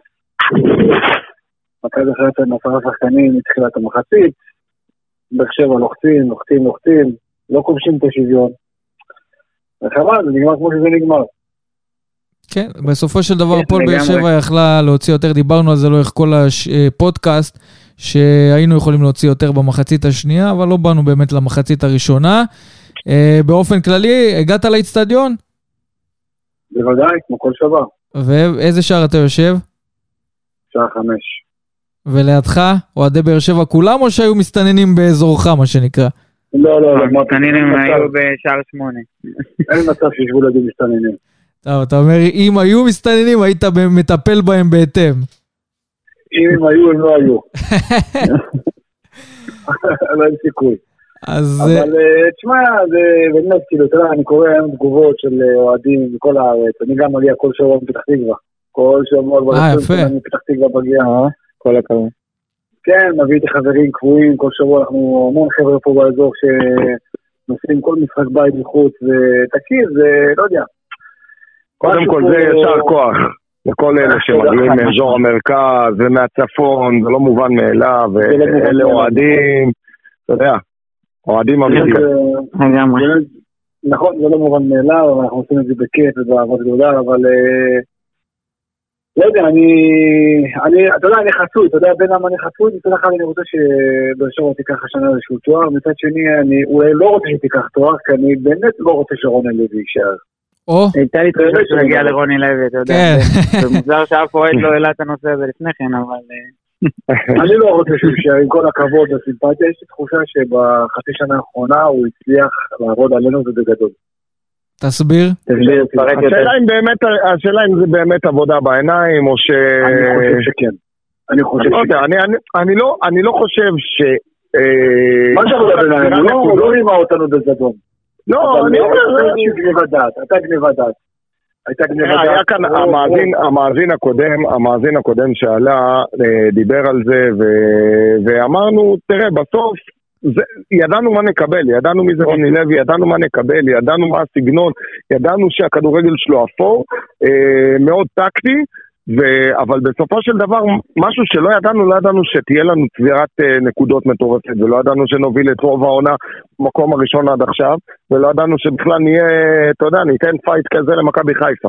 אז יש כאן איזה, איזה אפקט ההפתעה מבחינתנו בעונה הזאת, אבל uh, מסכים איתך, אם אנחנו מסתכלים נטו על יופי עכשיו של הכדורגל, זה לא משהו שנקבל מרוני. השאלה, משה, האם ציפית לראות משהו אחר מהקבוצה של רוני לוי או מרוני לוי כמאמן? זאת השאלה. אה, תראה, אני- אני- אני זוכר ככה ממש, כאילו, ממש אה, ככה, אני לא לא כל כך עקבתי אחריו כל השנים, אבל אני זוכר שהיו לו אליפויות די מרשימות במכבי חיפה. אבל, אתה יודע, בסוף, בסוף העונה השנייה או השלישית שכתבו לאוהדים שלו שזה אליפות בלי מאמן, נפל לי האסימון. היו לו כוכבים, היה לו דבשווילי, והיה לו עוד כל מיני שחקנים שאני פשוט עכשיו לא לא עולים לי וזה, שנתנו הצגות, אבל לא יודע, לא הייתה טביעת לא טביעת יד, לא הייתה דרך. זה לא כמו אצל בכר שהיה אצלנו, לא כמו שבכר היה בקריית שמונה, שאתה רואה שיש טביעת יד של מאמן. פה זה נראה כמו בשכונה. קח כדור, ומה יהיה יהיה. אז זה עובד פעם, פעמיים, זה עובד עם הפועל ירושלים, זה עובד עם סכנין, וזה עובד עם חדרה, וזה עבד עם מכבי תל אביב אז בטרנר, אבל זה, זה לא יכול להחזיק מים. אבל מצד שני, אתה ראית, ראית את הפתיחה הטובה של הפועל באר שבע ואת צבירת הנקודות המטורפת שהייתה בתחילת העונה. מה אתה אומר לעצמך באותם רגעים ש, שהכל אה, הולך, אפשר להגיד מבחינת התוצאות, הולך בסדר? זה הרגיש לי שאמרתי שמכבי חיפה תגמור את, הקדנציה האירופית שלה, להתפוצץ לנו בפרצוף. ככה אני חשבתי. מראה שהיא תתרכז בליגה ויגמר לה כל הפצועים לאירופה והמסעות וקורונה והכל. אני יכול להגיד לך שמה שאני חשבתי באותם זמנים ואני חושב אותו דבר עכשיו, ידעתי שמכבי חיפה תמיד, כאילו מתחילת העונה, בעצם העובדה שהיא לקחה את האליפות אחרי כל כך הרבה שנים והמשיכה עם אותו סגל ויש לה על הקווים את ברק בכר וכל הצוות שהיה לנו כאן, ידעתי שהיא הפייבוריטית הברורה לאליפות השנה, ראיתי שמכבי תל אביב לא נחלשת לא חשבתי שאנחנו בכלל נהיה ב... אתה יודע, ב, ב, בהתמודדות מולם. לא, אמרתי פלייאוף עליון, יש לנו סגל נחמד, לא חשבתי. חשבתי שהדבק הזה ייקח יותר זמן. עכשיו, אין לנו דבק לכדורגל, אבל כן יש לנו דבק לטקטיקה, כן יש לנו דבק למשמעת, כן יש לנו לחימה.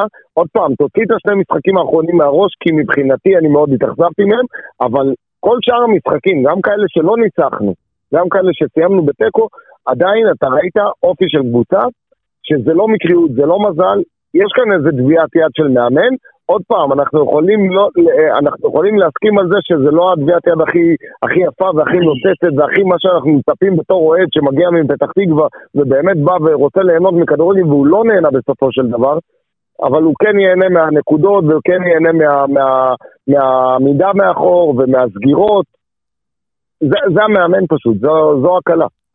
כן, נכון, זאת הקלה, אבל אה, אני לא זוכר, אני לא יודע בני כמה אתם, אבל אה, אם אתם טיפ-טיפה תפספסו בעבר, אם אני לא, לא טועה, שנת 93-94, מכבי חיפה, עם כל הכוכבים שלה. אלון נכון. מזרחי, אייל ברקוביץ', ראובן עטר, לא לוקחת אליפות מאברם גרנט של מכבי תל אביב, למרות את אבי נמני ואיציק זוהר, אבל זה בדיוק כמו רוני לוי היום. זה בדיוק, זה היה סטייל כדורגל בונקריסט, הגנתי, כן, היה שם אה, גיורא שפיגלר, אם אני לא טועה. יכול להיות. אני לא, לא אתייחס לעונה הזאת כי לא הייתי בתכנון, אבל בכללי רוני לוי מנצח הרבה משחקים. זה קרה בערך לפני 20-25 שנה. אז גם אם באר שבע תיקח אליפות השנה, אתה יודע, המזל יכול לשחק פעם בכמה זמן, כן, אבל אנחנו לא מתבססים, אתה צודק, אנחנו מתבססים הרבה על יכולת. אבל עוד פעם, אנחנו תמיד צריכים אה, להתייחס גם לעובדות, והעובדות באמת שנבנה כאן איזה פרויקט שהוא מאפס, כאילו, עכשיו, נכון, לוקח זמן, לוקח זמן לכימיה הזאת. גם מכבי חיפה, תיקח את מכבי חיפה של היום. מכבי חיפה של שנה שעברה, קבוצה אחרת לגמרי, לגמרי. טוב, גם בתחילת שנה, שנה, סליחה, היה לה משחקים בגביע הטוטו באירופה שהם בכלל לנו. נכון, אירופה היה למה למכור, כי באירופה היה להם פשוט מורכשות. כן, לא משנה, אבל גם כך גם משחקים בתחילת עונה, בקביעת עונה נגד סכנין, זה לא, לא שיחקו, אבל עדיין, שוב, זה עניין של חיבור ודינמיקה קבוצתית. מכבי חיפה כבר רצה 4-5 שנים עם רוב השחקנים שם בסגל. מה שאנחנו רואים שם לא נוכל לצפות לראות מבאר שבע, בטח אחרי שהחלפנו 15 שחקנים בחלון אחד. משה, אני רוצה לסכם את הדיון הזה איתך. מה שאתה כן צודק במה שאתה אומר, כן, דולב? שכן צודק במה שאתה אומר, אנחנו כן מתבססים הרבה על יכולת אישית. אם ניקח רגע את החצי שנה של שנה שעברה, באר שבע כמעט לא ניצחה עם רוני לוי, עזבו שהסגל היה חלש והרבה חיסורי פציעות וזה, נכון. אבל לא היה, לו, לא, היה, לא היה לו את אותם שחקנים שידעו רגע לבוא ולתת את האקסטרה, את הערך המוסף. את הגול הזה מתישהו, אתה יודע, לשבור את הקרח. היה לך רק את אה, ג'וסווה, למעשה. ג'וסווה, שהיה נהדר כל שני משה, אני רוצה לסכם רק את הדיון הזה איתך. רגע, גדעון. דיברנו על זה שאם היה אפשר להביא אותו, אז היינו מביאים אותו לפחות למשחק הזה אתמול. אמת. אה, אני רוצה לסכם את הדיון הזה איתך רק, אה, משה. כי הייתה לי איזושהי תחושה, גם כשהלך טוב להפועל באר שבע, שהיו לא מעט אוהדים שכן חיכו איפשהו לרוני לוי בפינה, כי מלכתחילה לא כזה בנו על ההצלחה שלו כאן בהפועל באר שבע. השאלה אם אתה גם מאותם אוהדים שלא האמנת, כי אנחנו מבינים קצת מרוח הדברים שלך שלא האמנת בגישה ובדרך של רוני, שעכשיו אחרי שני ההפסדים קצת מתעורר ורוצה להשמיע את קולו. לא, אני לא חיכיתי לו בפינה, אני ממש לא חיכיתי לו בפינה, אני חשבתי שהמהלך של אלונה, ששנה שעברה בינואר שאבוקסיס התפטר, תחתים אותו לעונה וחצי, אמרתי, החצי עונה הזאת שנשארה מינואר ארבעה חודשים, אי אפשר לשפוט אותו, למה זה לא קבוצה שנבנתה בדמותו. אנחנו נחכה לשנה הבאה, זאת אומרת, השנה הנוכחית, נראה מה הוא יביא, ואז כאילו, כמו שאומרים, ניתן על קנקנו. אבל אין ספק שעד עכשיו, באר שבע זה סיפור הצלחה. אתה מסתכל במקרו, זה סיפור הצלחה, נכון, 14 גבול שחקנים חדשים, והובלנו את הליגה הרבה, הרבה, הרבה מחזורים. אבל אה, לא יודע, יש איזושהי תחושה, יש איזשהו משהו ש... לא יודע, חסר לנו הגרוש ללירה, לכדורגל יותר טוב. חסר, חסר. חסר, חסר לנו זה כדור טובה, חסר לנו לפתח. משחק נכון. נכון, מסכים איתך, חסרים הרבה דברים שמעצבנים, שאנחנו לא רואים, אה, ואנחנו אומרים, צריכים לעבוד על זה. אני משתוקק, אני משתוקק, אני משתוקק לא פחות ממך. אני אותך שרוצה לרוץ. לאליפות ולשדר עוצמה, חייב... שאלה, בוא נגיד, אני- לא מבין כדורגל, בסדר? אני לא מבין בכלל, אני סתם רק רוצה לתהות באיזשהו משהו. אתמול דקה 60. אתה בפיגור 2-1, הקבוצה יריבה בעשרה שחקנים. איך מאמן, איך אתה מוציא למה אתה? רואה? נכון. למה לא דור מיכה וכולם? רואים את זה, וכולם. רואים את זה, ולא מובן למה. הוחלט ככה. יודע מה, גם אתה יודע מה, ו- 2-1 רוב מה, זה בוז עם החילוף, והקהל לא... ועשר שניות לפני הוא רואה שאופי הרב מוריד את האימונית, זה אומר שהוא הולך להיכנס גם למשחק, נכון. אז הוא מכניס בלם, אז קל וחומר שהם הולכים עוד יותר אחורה. חבר'ה, אתם לא רק זוכרים לא רק שאני משאיר את סורי, אני גם זורק גם את אנסה על כן, החילוף הזה. משה? אתם, זוכרים בתקופה של בכר שאמרו שמליקסון וברדה, ומליקסון ובוזגלו לא יכולים לשחק ביחד? אחד דורך על השני, כל מיני תיאוריות. אנחנו המון משחקים ביחד בבאר שבע, זה הקונצרט על המגרש. נכון.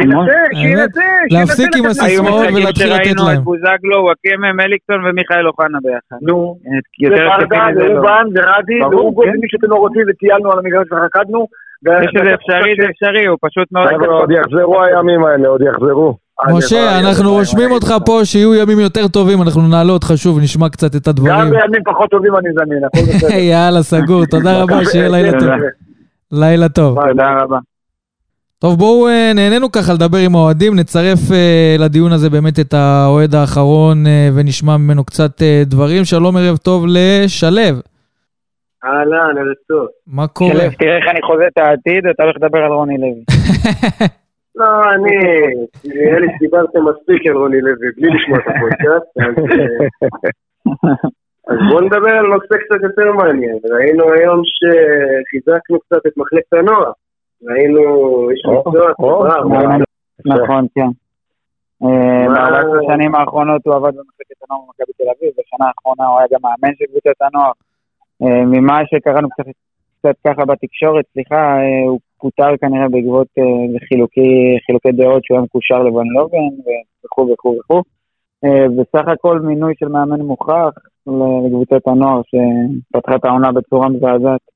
אז נגיד את זה הכי פשוט שיש. לדעתי, מעבר לקבוצה הבוגרת שראינו את השינוי שהיא מנסה לעשות, הן ב... מה שדיברנו, מה שדיברתם עם גיא פרימור, על אנשי הצוות החדשים, אנשי ההנהלה, אנשי המקצוע, סתם השחקנים. לדעתי הדבר הכי חשוב במועדון כמו הפועל באר שבע, שיש לו קליטה גיאוגרפית מאוד מאוד גדולה לשחקני נוער, כי זה כל מחוז הנגב, כל מחוז הדרום. הדבר הראשון. שאנחנו צריכים לחשוב עליו זה הילדים האלה פה, שגם אם הם לא, אתה יודע, הכי נוח זה להגיד, למה להביא מאמן מבחוץ? בוא נביא מאמן באר שבעי. הדבר הכי חשוב מבחינתנו, לקבוצה הבוגרת, לעתיד של המועדון הזה, זה השחקנים. ואם אותו בן אדם, ששמענו מה אומרים עליו, שהוא איש מקצוע שעבד, באמת, באמת, ראינו מה יצא מהשחקנים האלה של מכבי, מכל הילדים האלה, שחלקם כבר היום כבר יצאו לאירופה ועשו את הדברים הנכונים, אני חושב שזה מינוי מבורך ומצדיע למועדון. אבל מה, הדברים שאתה אומר לא פה, הדברים שאתה אומר פה, שלו, מצדיקים משהו כזה. קבוצת הנוער, יאללה, אם כבר הרמת... אין, אין, איך הוא הוא הרים. לנו לטיזר, אתה מבין? הוא הרים לנו את ה... הוא מהטיזרים, אני מת. אבל אם, נרחיב רגע על קבוצת הנוער, בכלל השינוי שם השנה הוא מאוד משמעותי. מאור מליקסון שם דגש מאוד מאוד אה, על הקטע, לא יודע אם לקרוא לזה המקצועי, לא מתכוון מבחינת המגרש, אלא מבחינת אנליסטים, שיש אנליסט לכל מחלקה, אה, ממש ניתוחי וידאו של כל... אתה רואה מצב שמישהו בנערים ג' כבר מקבל לנתח וידאו של עצמו, איך הוא היה במשחק, מה הוא צריך לעשות אחרת. שזה שינוי מאוד משמעותי שלא ראינו בשנים קודמות. יועצים מנטליים כן, שעובדים צמוד הולך לשחקנים. נכון, דיברנו עם אה, מליקסון בפודקאסט הראשון, ובהחלט הוא אמר שם דברים שאני, בתור אחד שעבד במחלקה בעבר, זה היה נשמע לי כמו חלום. אבל אה, כן, אין ספק, אין ספק. ועוד משהו לא רק- שדיברנו פה לא רק בפרקים, גדעון, אתה זוכר? אתה זוכר שדיברת על שחקנים זרים למחלקת הנוער של הפועל באר שבע? נכון. אז בימים. האחרונים צירפו גם בלם אה, גנאי לקבוצת הנוער של המועדון, אני- בן, אני. אתחיל לחשוב שהם מאזינים לפודקאסט שלנו והם מושפעים ממנו. לא, כדי לאזן את החלק. ההגנתי, כדי לאזן את החלק חזקו את ההגנתי. ההגנה, תביאו זר. אה, כן, יפה. זה. היה- מתבקש. לגמרי, כן. למרות שהוא שיחק במשחק האחרון שהם הפסידו 4-0, אבל בוא ניתן לו... כן, אבל אתה רואה עוד. פעם, אתה רואה כן. קבוצה, לא צריך להיות גאון גדול בשביל לראות קבוצה שנותנת אה, שלושה ארבעה שערים, אבל חוטפת את אה, שישייה. כן, כן. אז אתה מבין שיש שם משהו מעורר מאחורה. נכון, אבל. עם הבלם החדש מול קריית שמונה במשחק האחרון, הפסד 4-0 עדיין, והקבוצה בסכנת ירידה, סביר להניח שגם כן, בגלל זה אבל זה הגיעו כבר עניין של הפיטורים. כן, בגלל זה גם הגיעו. הפיטורים של המאמן של קבוצת הנוער והחתימו מאמן חדש. השאלה באמת, דיברנו פה עם גיא פרימור והיה לו את הביטחון אני דווקא הגדול. ראיתי שהוא זמר גדול, הבלם הזה. כן, באמת אה, העלו אותו ב story. אבל גיא פרימור לא האמין, ראיתי. גיא פרימור לא האמין שקבוצת הנוער, הוא גם לא מאמין עדיין, אני חושב שקבוצת הנוער אה, יכולה, הוא מסוגלת לרדת ליגה, אבל המ- המצב בטבלה מסביר אחרת, והקבוצה בהחלט בסכנת ירידה ממשית, ודברים שם צריכים להשתנות. אני מקווה מאוד שהמאמן החדש שהגיע יצליח לשנות שם את הדברים.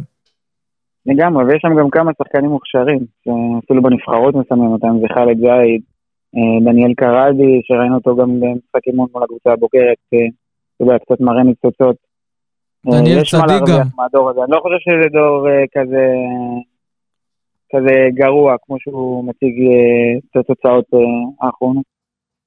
יש עם מה לעבוד בגדול. אני מקווה... צריך להדגיש את זה גם, צריך להדגיש שבסוף, זה גם לכל האוהדים שרואים את התוצאות בסוף ומתעדכנים, ב, אני יודע, ב-365, באתר המועדון, שבמחלקות נוער, הדבר הבאמת חשוב, זה כמה אתה מצליח להזרים לבוגרים.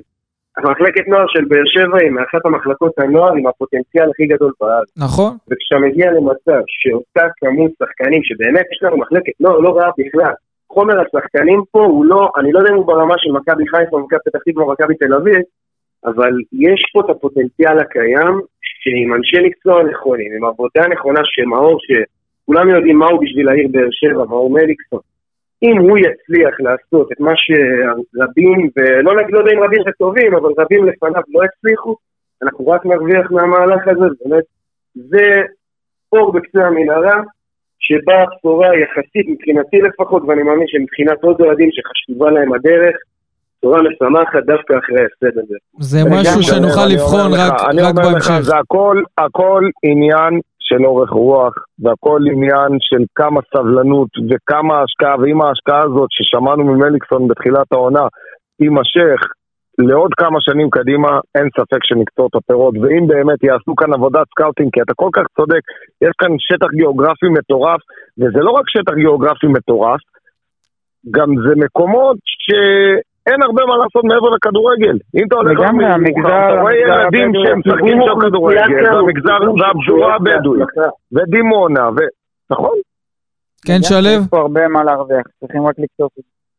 כן, אני פשוט אומר, רציתי להוסיף לדברים הבאמת באמת מאוד נכונים שנאמרים פה, שבסוף קבוצת נוער זה הפנים של המועדון, זה מה שהאוהדים אה, אוהבים. עם כל הכבוד, בואו נדבר עכשיו בצורה התחתונה, אנחנו לא מצטיינים בשחקנים שעולים לבוגרים, אבל אתה רואה על שחקנים, ניתן את הדוגמאות הכי פשוטות. גם אם הם לא שחקני הרכב ראשון קבוע, אתה רואה שחקנים כמו דדיה ויוספי, שכל פעם שהם עולים למגרש, גם אם הם לא במאה אחוז יכולת והם עושים את הטעויות, ברגע שהם ייתנו את השער, ברגע שהם יעשו את הפעולה המנצחת, זה מה שמחבר אותך בסוף לקבוצה. הכי קל בעולם זה להגיד בוא נביא מבחוץ, בוא נחזק מבסוף, מבחוץ, סליחה, אבל בסוף כל הדברים האלה עולים הרבה מאוד כסף.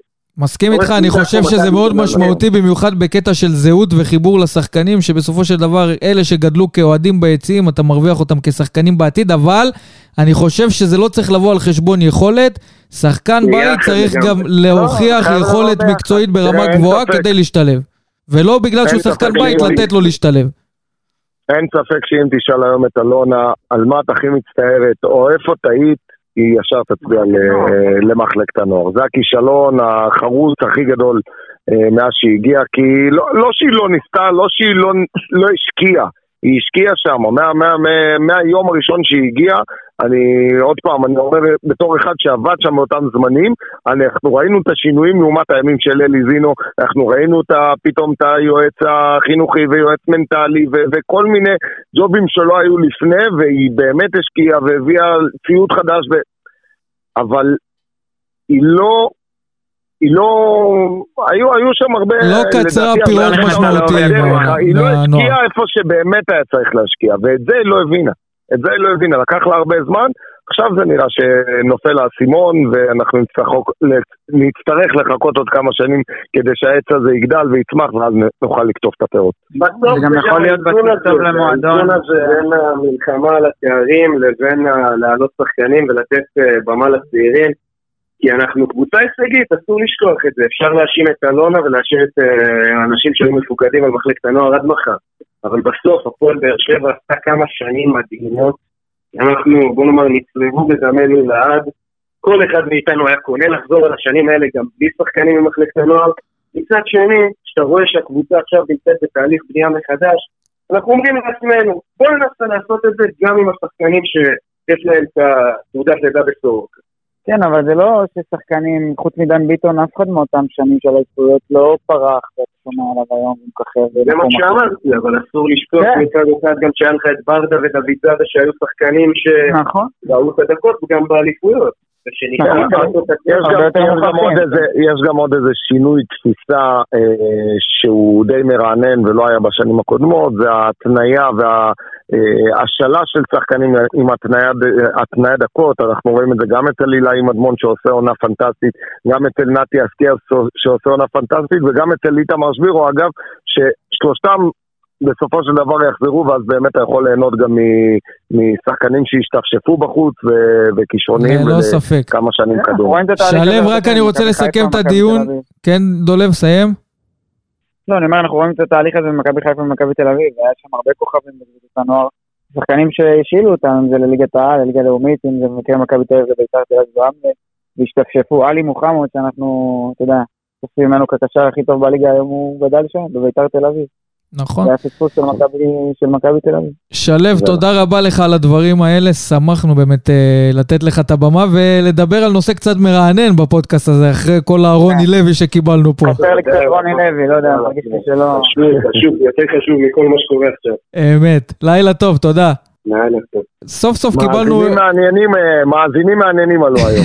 כן, עם אה, טוויסט מעניין בעלילה, עם האוהד האחרון שעלה, עם שלו, שדיבר איתנו. קצת על לא, הנוער. לא, לא ציפינו, לא גם ציפינו. שלך, בוא יודע. כן. אה, ודולב, אתה באת פה. להסתלבט עלינו בפרק בהופעת הבכורה, אתה מבין? זה ביטחון של אנדרי מרטינס מול מכבי חיפה זה בהופעת שחקן. בכורה. נוער שעולה בלי לחכות. זה האבו פאני של הפאנל. כן, ללא ספק. טוב, אז איך אנחנו מסכמים את מה שקרה לנו אה, בימים האחרונים, כל הדיבורים וכל הרוני לוי והאכזבה מההפסד הזה, וכן אוהדים, לא אוהדים, ומה שקרה עם האוהדים של אה, מכבי חיפה. אה, איך ממשיכים מכאן? גדעון, דולב. אנחנו ממשיכים, יש לך עוד חמישה ימים משחק אה, מול מכבי פתח תקווה, משחק סופר חשוב, אה, ושם אתה צריך פשוט לשכוח מהשני משחקי ליגה האחרונים שהיו לך, ולבוא ו... ו... ולחזור למסלול הניצחונות. לחזור למסלול הניצחונות, ה... ה... לייצב את המערכת מחדש, זה מה שהכי חשוב כרגע. לצבור את האמון הזה אה, מחדש בין הקהל לבין הקבוצה. ושגם הביטחון יחזור לשחקנים. נכון. לגמרי, אסור שייווצר פה איזשהו כדור שלג שעכשיו יתגלגל וייצור איזושהי מראה שחורה. כי יש איזו אווירה, לפחות, אתה יודע, בתקשורת היום, שכאילו באר שבע ויתרה על האליפות, אז בואו, אנחנו סך הכל ארבע נקודות ממכבי חיפה. הם עכשיו באיזה פיק של עשרה ניצחונות, והם הגיעו לשיא, אם אתה שואל אותי קצת מוקדם מדי, הגיעה שם נפילה. אנחנו צריכים לדאוג נכון. שאנחנו נהיה שם כדי... גדעון, אתה יודע ממה אני. מבסוט שדיברנו ו- והקפדנו להזכיר את זה בכל פרק כאן בפודקאסט מתחילת העונה? זה שאמרנו גם אז שהדברים נראו טוב מבחינת צבירת הנקודות, שזה מוקדם מאוד לדבר על אליפות וצריך לעשות את העבודה במגרש, ולא בסיסמאות ולא מאחורי הקלעים. אה, פשוט לעבוד כמו שצריך, כמו מכונה משומנת. אמנם עכשיו אנחנו רואים נכון, את הדברים קצת פחות טובים, אבל בגלל זה לא צריך להתאכזב, אתה מבין? נכון, האם אתה אומר לי עכשיו, גדעון בוא תיקח עכשיו את אותו אה, סיבוב, בסדר? קח עכשיו 12 אה, משחקים קדימה, את אותו קצב צבירת נקודות, אני קונה את זה בשתי ידיים, גם אם הפסד למכבי חיפה ולמכבי תל אביב. לגמרי. זה מטורף. טוב, אז אנחנו... כמו שדולב אמר והוא צודק, בסוף, תראה, כמו שדולב אמר והוא צודק, בסוף מכבי חיפה גם יהיה לה המעידות. שאלה, בדרך, אם אנחנו נוכל, אם אנחנו לא נמצמץ בדרך ולא נאבד נקודות. נצטרך לעשות את העבודה שלנו ולנצח במשחקים הבאים, זה הכי פשוט, זה, זה מה שקבוצת כדורגל צריכה לעשות בתכלס, ונקווה שהבחורים של רוני לוי והשחקנים קצת יתעוררו על עצמם ויבואו למשחק מול מכבי פתח תקווה כדי לנשוך. ולא כדי לפחד אה, מהיריבה, שזה מה שראינו בשני משחקי הליגה האחרונים, ועשו שם את הסוויץ' בראש, זה הכי חשוב. אה, גדעון אסולין, תודה רבה. תודה לכם, חברים. דולב פרץ, הופעת בכורה, תודה. תודה, תודה רבה. עד כאן פרק מספר 11 אה, של אה, וסרמיליה פודקאסט. אנחנו אה, נשתמע בפרק הבא ונקווה מאוד שזה יקרה אחרי ניצחון של הפועל באר שבע. הגיע הזמן לחזור למסלול. וסרמיליה פודקאסט, פודקאסט האוהדים של הפועל באר שבע.